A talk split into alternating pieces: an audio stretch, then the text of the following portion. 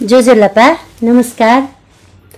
आजको यो हाम्रो रेडियो टुरिज्ममा आजको यो हाम्रो बसाइमा यहाँहरू समक्ष म आइसकेको छु। मैले आज यहाँ विशेष पाहुनाको रूपमा हामीले निम्त्याएको छु।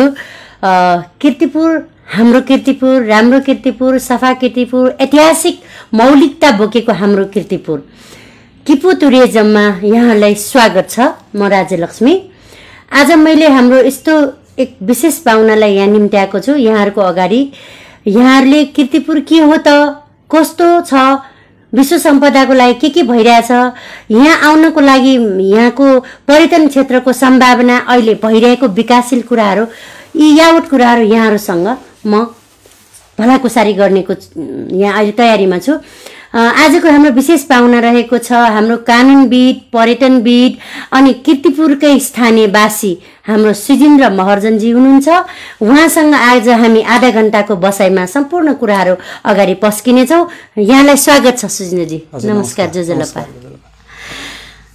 अब यहाँ आजको लागि हजुरको महत्त्वपूर्ण समय यहाँ आइदिनु भयो त्यसको लागि धन्यवाद।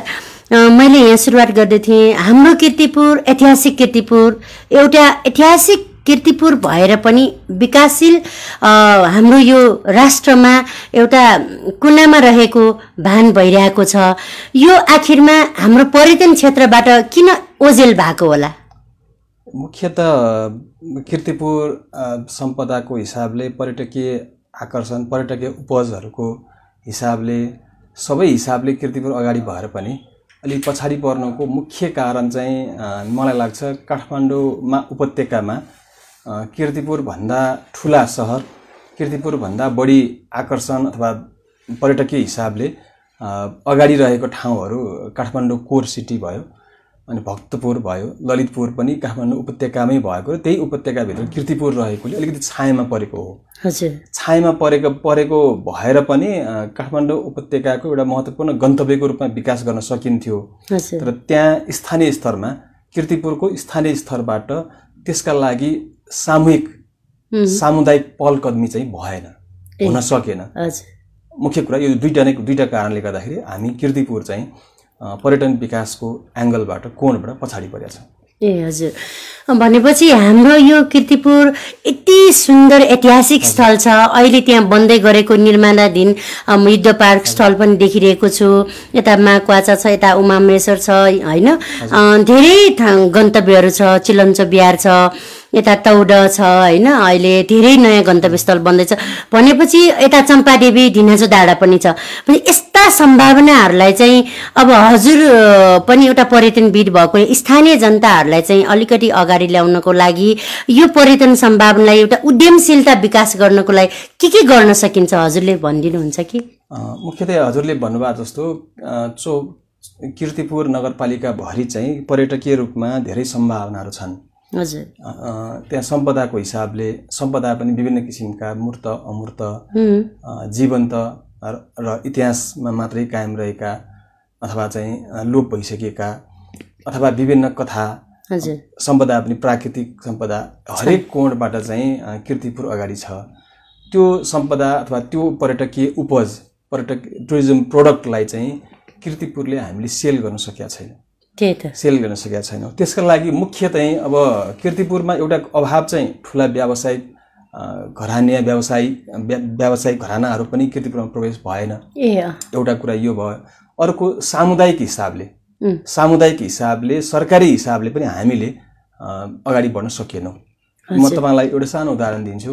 अहिले किर्तिपुरमा खानपिन अथवा रेस्टुरेन्ट व्यवसाय एकदम फस्टाउँदो क्रममा छ।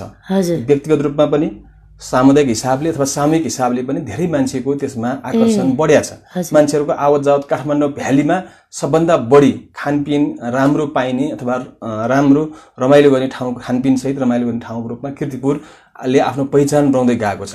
तर किर्तिपुरको त्यति मात्रै पहिचान चाहिँ होइन। होइन किर्तिपुरमा रहेका सबै किसिमको सम्भावनाका ढोकाहरू खुल्ला खुल्ला गर्नको लागि त्यहाँको स्थानीय सरकार स्थानीय समुदाय स्थानीय व्यवसायी सबैको सामूहिक प्रयास हुनु प- हुनु जरुरी छ।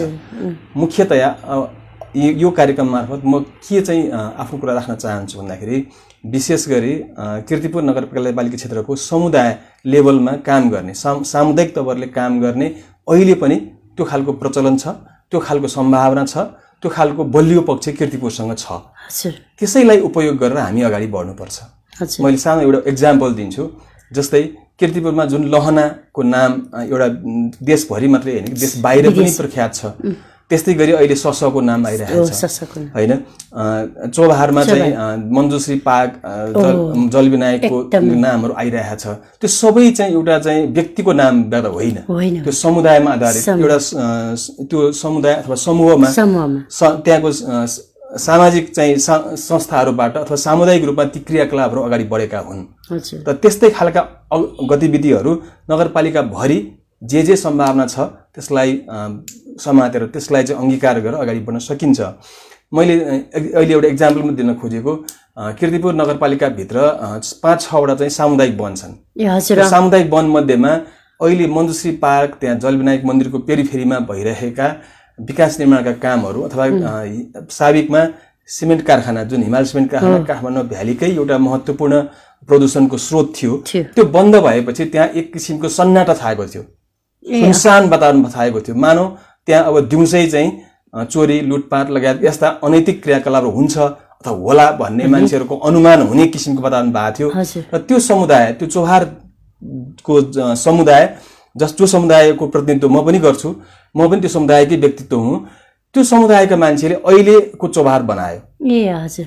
आठ दस वर्षको दौरानमा त्यो वातावरण त्यो परिदृश्यमा चाहिँ अगाडि बढेर अहिलेको चौहार बनायो। मनुष्य मनुष्यको स्ट्याचु सहितको मनुष्य पार्क सहितको अहिले अहिलेको। गतिविधि बनायो। त्यस कारण यो यो पाँच छवटै सामुदायिक वनको आफ्नै विशेषता र आकर्षणहरू छन्। र सामुदायिक वनहरू मार्फत पनि यस्ता खालका क्रियाकलापहरू पर्यापर्यटनसँग इकोटुरिज्मसँग रिलेटेड रहेर अहिलेको विद्यमान कानुन अहिलेको चाहिँ तपाईँको चाहिँ कानुन अहिलेको चाहिँ परिपाटी अनुसार नै पनि सबै कामहरू गर्न सकिन्छ पर्यावरणसँग सम्बन्धित रहेर।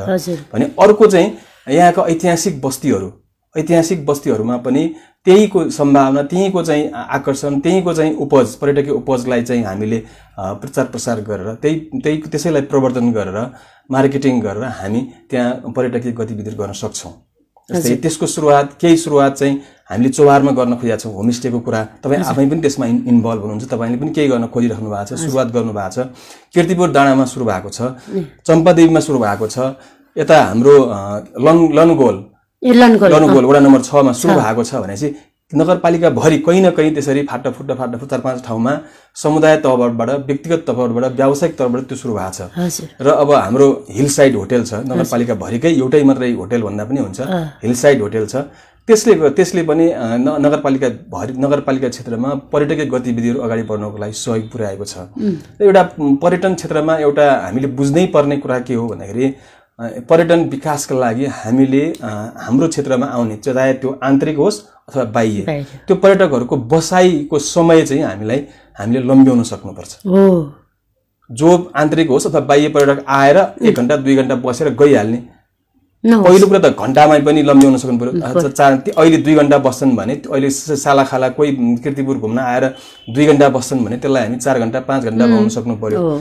त्यो त्यस त्यो भन्दा पनि अझ हाम्रो लक्ष्य भनेको बासै बस्ने। हो त। कमसे कम अहिलेलाई हामी एक दिन दुई दिन दुई दिन तिन दिन चाहिँ कमसे कम त्यहीँ बासै बस्ने खालको वातावरण बनाउन नसकेसम्म हामीले सोचे जस्तो किर्तिपुरको पर्यटन विकास सम्भव छैन। त्यसकारण हामीले त्यो बसाइ हुनको लागि चाहिँ होटेलहरू हुनु पर्यो लजहरू हुनु पर्यो अथवा होमस्टे चाहिँ त्यही खालको। व्यवस्थित व्यवस्थित आकर्षक हुनु पर्यो त्यसको लागि चाहिँ हामीले समुदाय तहबाट सामूहिक रूपमा त्यहाँको स्थानीयहरूको तर्फबाट त्यो खालको सामूहिक प्रयास चाहिँ हुनुपर्छ गर्नुपर्छ। हामीले म आफैले पनि आफू सहभागी रहेको सामुदायिक संस्थाबाट जलविनायक सामुदायिक संस्थाबाट भर्खरै मात्रै हामीले यो लकडाउनकै पिरियडमा हामीले एउटा चाहिँ होमस्टेको तालिम दोस्रो पटक गरेका छौँ। त्यसबाट एउटा चाहिँ स्टेरिङ कमिटी जस्तो बनाएको छौँ। त्यसबाट पनि हामीले चौहार क्षेत्रमा पनि होमस्टे सञ्चालनको लागि एक किसिमको तयारी ए ओके यो भूकम्प पछाडि हामीले सुरु गरिसकेका भूकम्प अगाडि हामीले सुरु गरिसकेका थियौँ भूकम्प भए भूकम्प आएपछि त्यो वातावरण बिग्रियो बिग्रियो। त्यो होमस्टे सञ्चालन गर्ने स्थिति रहेन र अहिले चाहिँ भूकम्प पछाडि एक किसिमको एक चरण पुनर्निर्माण काम सक सकिए पछाडि हामीले फेरि एउटा तालिम औपचारिक रूपमै।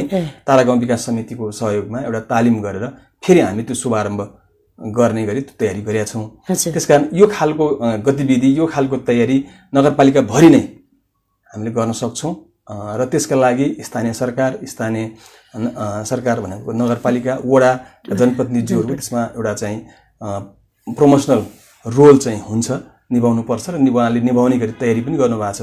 र त्यसैले गर्दाखेरि त्यसैको कारण चाहिँ नगरपालिका चाहिँ पर्यटकीय रूपमा अगाडि बढ्न सक्छ बढ्छ भन्ने मलाई लाग्छ। हजुर। थ्याङ्क यू सो मच हजुरको यो इन्फर्मेसनको लागि धेरै कुरा जानकारीहरू गराउनु भयो। अब यसै गरी हामीले किर्तिपुरमा यही कार्यक्रम मार्फत हाम्रो किपु भनेर पर्यटनमा जुन कार्यक्रमहरू मैले चलाउँदै गर्दाखेरि हाम्रो विदेशमा बस्नुभएका नेपाली नेवारी सम्पूर्ण कल्चर किर्तिपुरको बारेमा यति धेरै इन्फर्मेसन रहेछ हामीले एकदमै आउन मन लाग्यो भनिरहेछ भनेपछि अब उहाँहरूको लागि व्यवस्थित तरिकाले बस्नको लागि अहिलेसम्म मैले जानकारी पाएसम्म चौबिसवटा मात्रै होमस्टे छ भन्यो। अब त्यसलाई हजुर पनि एउटा कानुनविद पनि हुनुहुन्छ पर्यटनविद पनि हुन्छ। यिनीहरू सबैलाई नियमन गरेर एउटा व्यवस्थित तरिकाले अब आउन साथै एउटा पर्यटन सूचना केन्द्र एउटा किर्तिपुरमा एउटा म्यापिङ गर्ने अनि त्यहाँ आएर खान आउने मान्छेलाई पनि हजुरहरूले चाहिँ एउटा सपिङ मतलब त्यहाँ जस्तो त्यहाँ टुरिस्टहरूको लागि अथवा इन्टरनल अथवा आउटबाट आउनुभएको हाम्रो गेस्टहरूको लागि पनि एउटा त्यहाँ सोभिनियर सप जस्तो त्यसो चाहिँ राख्ने हजुरहरूको विचार छ कि छैन।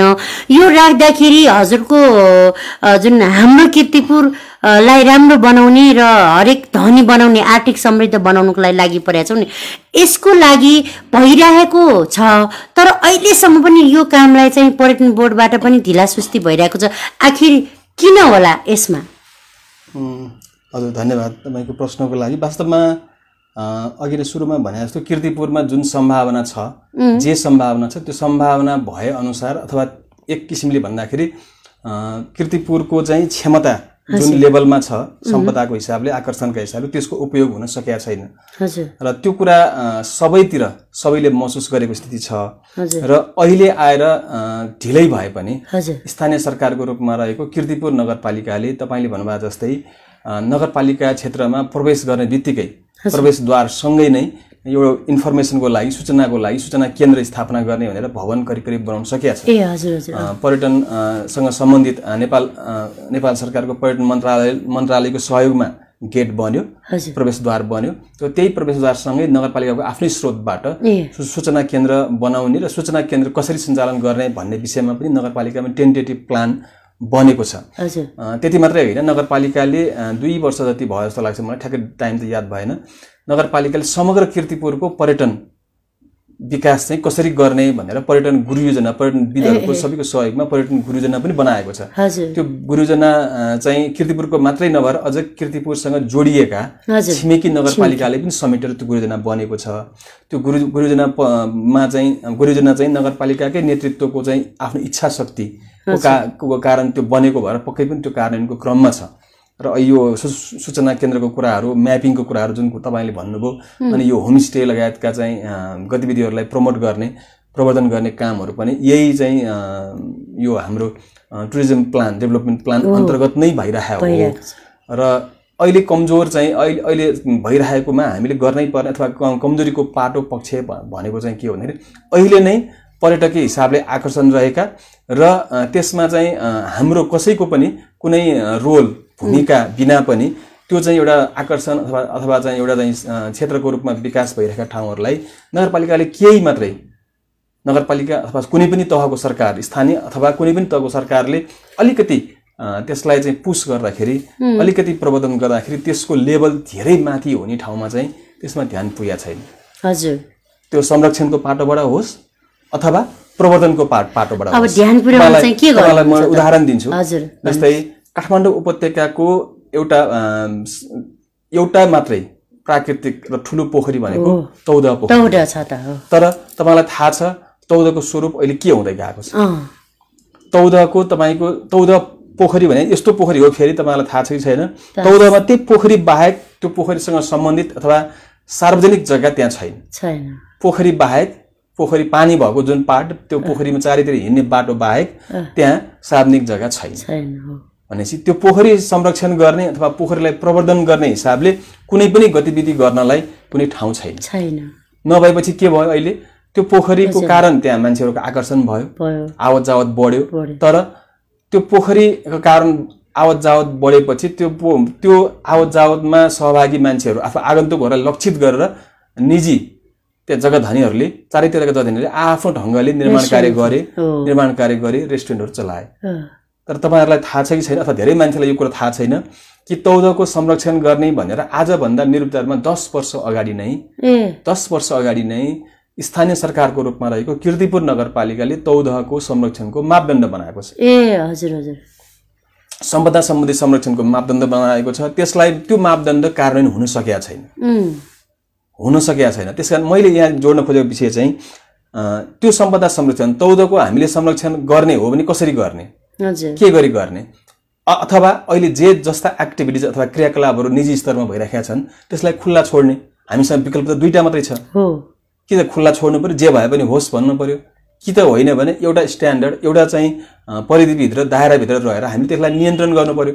पर्यो पर्यो नियमन गर्नु पर्यो। भनेपछि हामीले सरकारी कुनै तहबाट त्यो नियमन नगरिकन सुख छैन। छैन गर्नै पर्छ तर अहिले गर्न सकिरहेको स्थिति छैन। र त्यो भनेको के हो भने तौदलाई संरक्षण अ, को चाहिँ योजनाबाट बाहिर राख्नु। बाहिर पार्नु हो। त्यो चाहिँ गर्नु हुँदैन। त्यो अहिले जनप्रतिनिधिहरूको बिचमा यो व्यापक छलफल बहसको विषय छ। मापदण्ड सच्याउने हो कि? अथवा नयाँ ढङ्गले लाने हो कि? अथवा अर्को विकल्प पनि जहाँ छलफल भइरहेको छ तौधलाई केन्द्रबिन्दुमा राखेर तौध तौधलाई संरक्षण गरी गर्ने गरी तौधसँग जोडिएको जग्गाहरू सबै ल्यान्ड पुलिङ गर्ने। गर्ने। गर्ने ल्यान्ड पुलिङ गर्ने र तौध संरक्षणको लागि आवश्यक अथवा ल्यान्ड पुलिङ गर्दा छुट्याइने खुल्ला क्षेत्र अथवा सार्वजनिक जग्गाको रूपमा जुन बाँकी राखिन्छ त्यो प्लट चाहिँ तौध पोखरीसँग जोडेर कायम राख्ने बाँकी राख्ने गरी। ल्यान्ड पुलिङ गर्ने भन्ने एउटा अप्सन पनि छ हामीसँग। अथवा अर्को अप्सन पनि छ तेस्रो भनेको तेस्रो भनेको हामीसँग जग्गा अधिग्रहण गर्ने। तर अधिग्रहण गर्नको लागि अहिलेको समयमा स्थानीय सरकारले अथवा प्रदेश सरकारबाट ग- गर्न सम्भव छैन। यो केन्द्रीय सरकारबाटै गर्नुपर्छ। बजे- बजेटको भोल्युमको हिसाबले पनि।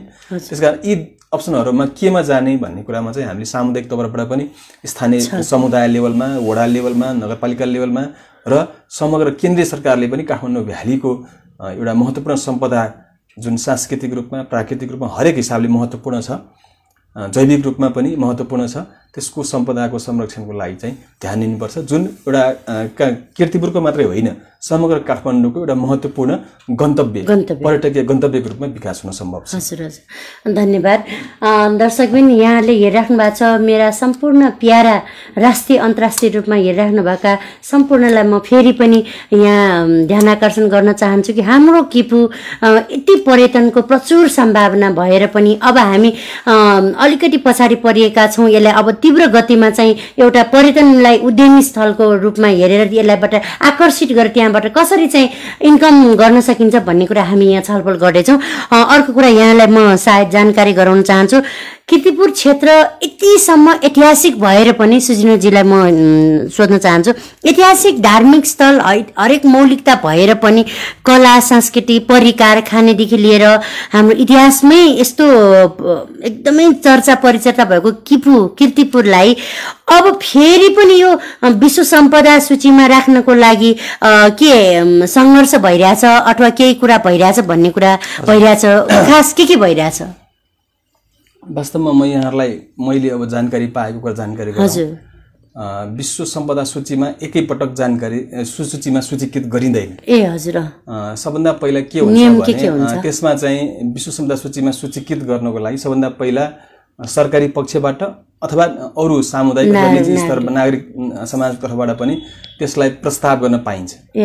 प्रस्ताव गर्नको लागि दसवटा क्राइटेरिया छ। ए दसवटा दसवटा क्राइटेरिया। दसवटा क्राइटेरिया मध्ये कुनै एउटा क्राइटेरिया मिट भयो भने उसले टेन्टेटिभ लिस्ट भनेर राख्छ त्यसमा। वेटिङ राख्छ। सूचीकृत गर्छ। त्यो दसवटा दस दसवटा दसै किसिमका छन्। दसवटा मध्येमा हाम्रो किर्तिपुरको सेटलमेन्ट किर्तिपुरको बस्ती किर्तिपुरको मन्दिरहरू चाहिँ त्यो दसवटा चाहिँ क्राइटेरिया मध्येमा तेस्रो चौथो र छैठौँ को चाहिँ क्राइटेरिया अनुसार चाहिँ त्यो टेन्टेटिभ लिस्टमा सूचीकृत गरिएको छ। त्यो चाहिँ सूचीकृत कहिले गरिएको भन्दाखेरि चौसठी साल माघ सोह्र गते। ए सूचीकृत भयो त्यो सूचीकृत भइसके पछाडि अहिले चाहिँ किर्तिपुरको चाहिँ जुन सूचीकृत भएको चाहिँ त्यहाँको बस्ती सेटलमेन्ट र सेटलमेन्ट सहित त्यहाँको मन्दिरहरू जुन जुन छ हामीले त नै नाम लिनुभएका बाघ भैरव चिलन्चो। चिलन्चो उमामेश्वर। लगायतका मन्दिरहरूको जुन मन्दिरहरू चाहिँ त्यसको चाहिँ एउटा म्याचुरिटी जस्तै त्यसको संरक्षण प्रवर्धन अथवा त्यसको लङ टर्म प्लान सम्बन्धित सरकारवाला पक्षले के गर्छ कसरी गर्छ भन्ने कुरा फाइनल भएपछि मात्रै त्यो लिस्ट टेन्टेटिभ लिस्टबाट अर्को लिस्टमा. सूचीकृतमा जान्छ। हजुर। भनेपछि अब यसलाई हामीले सम्पूर्ण नागरिक समाज र त्यहाँको स्थानीय सरकारले चाहिँ पहल गर्दै गर्दाखेरि अब लगभग सबै प्रक्रियाहरू पुरा हुन कति समय जति लाग्ला यहाँको कानुनको यो हिसाबले? यो यो चाहिँ अब हामीले स्थानीय सरकारको तर्फबाट अथवा नागरिक समाजको तर्फबाट यो प्रस्ताव भएको होइन। रिपोर्ट चाहिँ? होइन। यो चाहिँ हाम्रो पुरातत्व विभाग नेपाल सरकार भनौँ न त्यसलाई। नेपाल सरकारबाट यो प्रस्ताव भएको हो। यो अब चौसठी साल 64 माघ सोह्रमा चाहिँ टेन्टेटिभ लिस्टमा पारिसके पछाडि। के के भयो? के के गरियो। अथवा युनेस्को यो विश्व विश्व सम्पदा सूचीमा लिस्टिङ गर्नको लागि सूचीकृत गर्नको लागि चाहिने जुन एक दुई तिन चार पाँच भनेर युनेस्को आफ्नै एउटा क्राइटेरिया छ। त्यो क्राइटेरिया मिट गराउनको लागि नगरपालिकासँग अथवा स्थानीय सरकारसँग प्रदेश सरकारसँग अथवा सेन्ट्रल गभर्मेन्ट प्रत्व विभागबाटै चाहिँ के के भइरहेको छ भन्ने कुरा म त अनभिज्ञ छु। त्यो चाहिँ त्यहाँबाट जानकारी लिएर विश्व सम्पदा सूचीमा सूचीकृत गर्नको लागि युनेस्कोले तोकेको। क्राइटेरिया क्राइटेरिया मापदण्ड पुरा गर्नको लागि स्थानीय सरकार स्थानीय किर्तिपुरको चाहिँ नागरिक समाज जो सम्पदा संस्कृति बचाउनको लागि अथवा किर्तिपुरलाई। किर्तिपुरको लागि चाहिँ किर्तिपुरको चाहिँ किर्तिपुर चाहिँ विश्व सम्पदा सूचीमा सूचीकृत हुनुपर्छ भनेर लागिराख्नु भएको छ।